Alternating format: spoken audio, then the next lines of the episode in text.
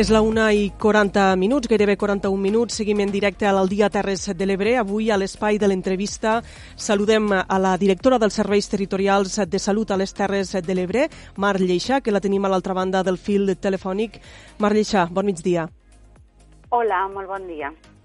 Ho explicàvem abans a l'informatiu, la regió sanitària de les Terres de l'Ebre ha entrat avui a la fase 1 del pla de desescalada.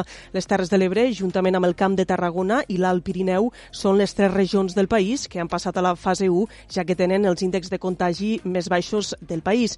En el cas de les Terres de l'Ebre, divendres, en una roda de premsa conjunta, tant el delegat del govern com vostè mateix insistien que les Terres de l'Ebre estan preparades per a passar a esta fase 1, no? que comencem tot just avui dilluns. Efectivament, eh, per, aquell motiu, per aquest motiu eh, que estem preparats és que es va considerar eh, des del mateix Departament de Salut i des del Govern de la Generalitat de fer aquesta proposta al Ministeri que finalment ha estat acceptada, algo que celebrem molt, però insistint en la precaució eh, en, eh, i en la responsabilitat per part de tothom. Vostè sap que hi ha hagut moltes crítiques per l'elevat nombre de casos sospitosos de Covid-19 que hi ha a les Terres de l'Ebre, una dada que alguns temen que pugui amagar més casos positius. Per què ha passat això? Perquè hi ha més sospitosos aquí que a altres zones en proporció per la població. No s'han fet totes les proves que calia? Eh, jo continuo insistint, les proves sempre s'han fet sota a un seguiment molt estricte de lo que és el procediment d'actuació i que és el protocol, que és un protocol evidentment conjunt, eh, que se segueix a tot Catalunya. I eh, en els casos eh, és també un protocol que és un document viu que ha anat canviant en funció de les fases i de les diferents estratègies i que fins el dia d'ahir, eh, perquè avui entrem a la fase 1 i també eh, entrem en una nova estratègia, el protocol ho deia ben clar, aquelles persones que tenien una sintomatologia en un determinat nivell de, diguem-ho així, gravetat, i això feia que les proves PCR es fessin a aquelles persones que estaven ingressades bé a un hospital o bé a un servei d'urgències hospitalàries. Val? Fora d'aquí, aquí fem aquestes proves PCR. S'estaven fent en persones vulnerables, val? persones grans, persones que tenen altres patologies associades. Eh, és el cas eh, de les persones també que estan ingressades en residències i també als professionals que nosaltres ne diem essencials, eh? tots els professionals de la salut, els professionals de residències, bombers, Mossos d'Esquadra, etc. Llavors, en aquestes persones amb simptomatologia se'ls feia la prova. Això ha estat així i ha estat així sempre sota un criteri clínic dels professionals de la salut i que, per tant, a vegades fins i tot, eh, jo pues m'atreveixo a dir que m'ha molestat determinats comentaris perquè sembla com si aquí no haguessin fet les coses bé. I els professionals de la salut han actuat d'una forma excel·lent eh, amb el seguiment d'aquest protocol. Què ens ha passat? Bueno, pues mos ha passat també que sortosament sabem que aquesta pandèmia al territori nostre mos ha, eh, bueno, mos ha afectat, diguem-ho així, d'una forma diferent que a la resta del territori de Catalunya. Hem tingut pocs casos confirmats i compte, eh, perquè jo dic sempre mm, eh, pocs casos, però en aquella persona que li ha tocat l'impacte és molt i molt eh, important i, per tant, eh, no banalitzem. Han tingut poques morts, això també és un índex eh, de, de que l'afectació no ha tingut una gravetat important, però el mateix, detrás de cada número hi ha una persona i una família, per tant, vigilem molt i sortosament hem tingut efectivament moltes persones en una sintomatologia lleu, que ha sigut una sintomatologia lleu que ha permès que poguessin fer un seguiment des de l'atenció primària. En el cas que els professionals de primària ho han considerat i aquestes persones, aquest nivell de gravetat ha augmentat, és quan s'ha fet la PCR. En aquest moment entrem en la fase 1, l'estratègia és diferent, ens interessa molt i molt poder detectar qualsevol possible brot i el que fem a partir d'avui a les tres regions que hem entrat a la fase 1, aquelles persones que tenen sintomatologia compatible en Covid i que eh, sota eh, el criteri, i per això este cap de setmana se va actualitzar el protocol i ja ho contempla, es farà de fet s'ha començat a fer aquestes eh, proves PCR des dels eh, diferents punts de, mm, i centres d'atenció primària. Jo ara li volia fer aquesta pregunta perquè una de les qüestions que, que com deia, preveu el pla desescalada en la fase 1 és fer proves serològiques a tots els casos sospitosos amb simptomatologia, no? ens deia ara. Això està previst també aquí i qui ho coordinarà? Els CAPs, els centres d'atenció primària? Sí, eh, un, un apunt, eh? el que fem és la prova, la PCR, eh? que és la prova diagnòstica per excel·lència, diem-ho així, i és la prova diagnòstica que totes les recomanacions estan indicant. No estem fent tests serològics.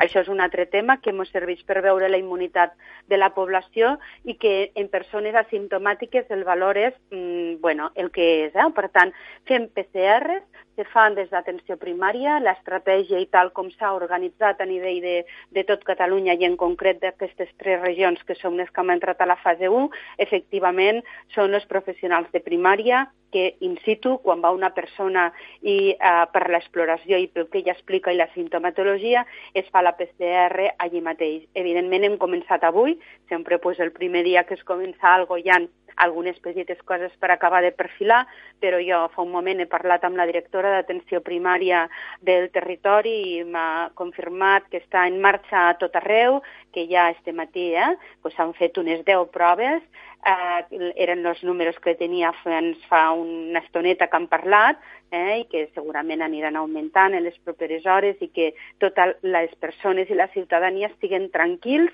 per aquest seguiment escrupulós de el que és el eh, protocol, que és un protocol comú i que ningú dubti que aquí no hem fet les coses com tocava, sinó que hem tingut molts més casos ingressats, molts, molta més mortalitat, i això no ha estat així. I veiem que també el que ens ha passat en població general s'ha replicat a les residències, a l'àmbit residencial, per també eh, un, un uh, protocol i una estratègia que teníem era de fer el cribatge de totes les residències i fer test PCRs a tots els uh, usuaris i professionals de totes les residències de gent gran i de discapacitats, que ahir vam acabar de fer aquestes proves i es continuarà els propers dies en altres d'altres àmbits i que, evidentment, eh, també els casos que han estat confirmats eh, han sigut molt pocs. Ara li anava a preguntar que ahir diumenge havien de tindre ja tots els resultats d'aquestes proves PCR que s'havien de realitzar als centres residencials, tant de gent gran com de, com de discapacitats. No sé si tenen ja els resultats, però ara ho deia, no? que també ha tingut una incidència menor que en altres zones del país, en, en, en els casos de les residències. I tant, eh, a veure, també eh, ho, ho diem, no ens cansem de dir-ho, eh, i agrair també la feina que s'ha fet des de tots els àmbits, i des de l'àmbit de, dels professionals de la salut i també de l'àmbit residencial. Eh, aquí l'estratègia ha sigut eh, fer PCRs també en persones asimptomàtiques per la vulnerabilitat i perquè es troben en, en centres tancats, que en la PCR veiem una foto del moment i tot i que sent asimptomàtic o sigui, et dona una foto del moment, però no, no sabem què passarà si d'aquí tres o quatre dies qualsevol d'aquelles persones comença a tindre sintomatologia, evidentment torna a estar indicada la prova i es tornarà a fer. Però en aquestes persones asimptomàtiques, eh, fins als resultats que tenim fins a aquest moment, que encara no els tenim tots, eh? ens falten tots aquells que s'han fet este cap de setmana i pensem que tindrem en les properes hores, només quatre persones asimptomàtiques han estat positives eh, i dos professionals eh, que també estan pendents de, de repetir la prova i que, per tant, els resultats han sigut eh, molt i molt bons i això també és perquè eh, per un conjunt d'aspectes, entre ells perquè la feina s'ha fet ben feta, han fet aquelles mesures que estaven indicades, s'han seguit correctament les mesures de protecció i, en definitiva, això és un treball de tots i també jo vull ficar en valor, eh, perquè sembla que moltes vegades te dona la sensació que es qüestionen molts aspectes i des de fora es veu un par, una part, eh, de, diguem-ho així, de la pel·lícula, però la intensitat i la visió d'aquesta pel·lícula i l'impacte ha sigut molt i molt gran per, eh, i viscut eh, així per part dels professionals amb molta responsabilitat i evidentment també de la ciutadania eh, en unes limitacions, per exemple, limitacions de visites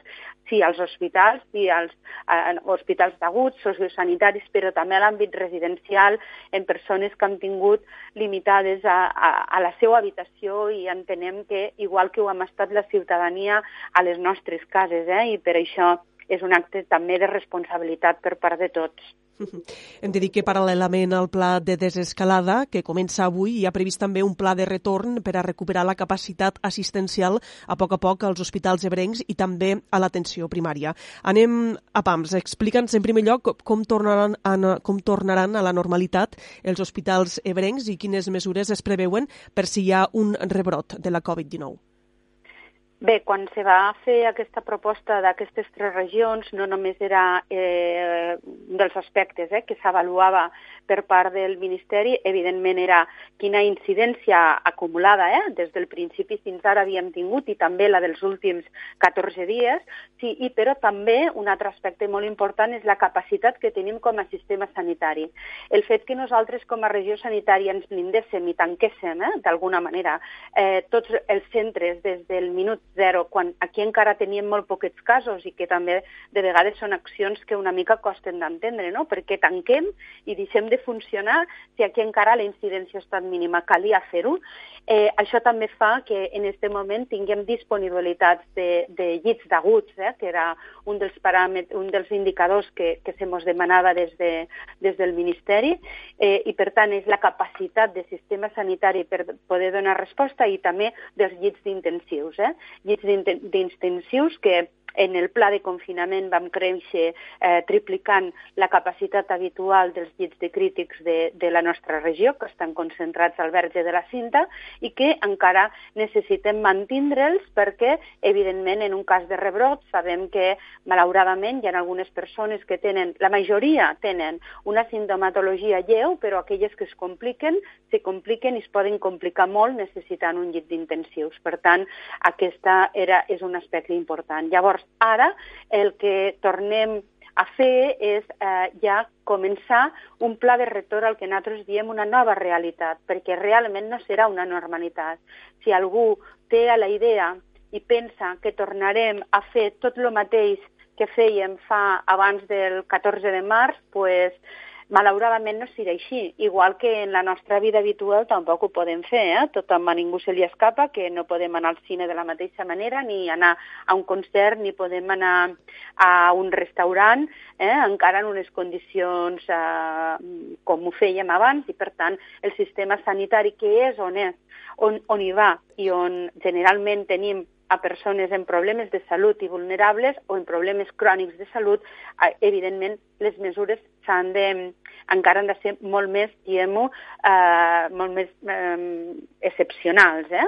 Eh, llavors, tots els centres el que ara comencen eh, a fer d'una manera molt discreta és anar recuperant l'activitat ficant i prioritzant tot el que fa referència a l'activitat telemàtica, activitat telefònica, videoconsultes, totes aquelles bones pràctiques que vam incorporar d'alguna manera d'una forma precipitada per necessitat i que tots hem incorporat a les nostres vides i que ho han fet per a quedar-se. Tot això que ara ens serveix, això no vol dir que substituïm, però sí hem de complementar per també poder donar resposta a les persones i que se sentiguen ben ateses. Però anem recuperant l'activitat presencial social d'una forma molt pautada. En això què vol dir? Hem de fer una trucada sempre prèvia, una trucada prèvia per a veure si aquell usuari té alguna sintomatologia, perquè també ara haurem de tenir als diferents centres uns circuits diferenciats per a pacients Covid o en sospita i pacients, eh, i pacients que no tenen aquesta sintomatologia, sobretot per extremar les mesures de protecció, per a garantir la seguretat tant dels usuaris com també de les mateixes persones. Eh? Pensem que quan anem a una consulta mèdica, allò que toquem, hasta, hasta el mobiliari, hasta la cadira, tot allò pot ser una font de contagi. Eh? Mare, ens queda, perdona, ens queda menys d'un minut de l'entrevista. El que li volia preguntar és a l'assistència primària, quan es tornaran a obrir els CAPs i consultoris tancats, s'anirà fent de forma progressiva? Igual, de la mateixa manera, eh? aquesta setmana anirem recuperant alguns dels CAPs, com diem, un dels CAPs secundaris, anirem informant a mesura que anem reobrint, però en aquestes premisses, eh? amb una trucada prèvia i, per tant, d'una manera molt i molt ordenada. I, evidentment, només per la pròpia estructura, l'últim que farem seran els consultoris locals, perquè evidentment no podem allí garantir aquest doble circuit de Covid i no Covid, com estàvem dient, i que és l'únic que en aquest moment ens permet garantir eh, pues que prenem aquestes mesures de precaució, perquè tot i que hem entrat a una fase 1, jo sí que vull aprofitar per recordar i donar aquest missatge de eh, responsabilitat, de seguiment de les recomanacions i de que no, mos que no, ha, no es provoqui ja una distensió i de que tot ha passat. Tot no ha passat, el Covid continua en nosaltres i, per tant, li hem de tenir molt i molt de respecte. Moltes gràcies per l'oportunitat. Sobretot això, no? que no hem de baixar la guàrdia.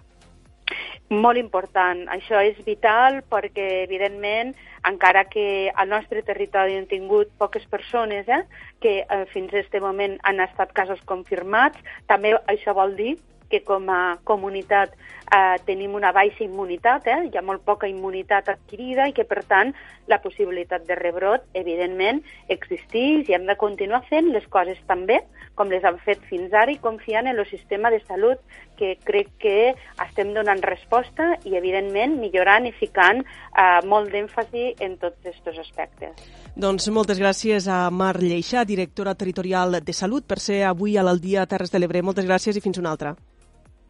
Moltes gràcies a vosaltres.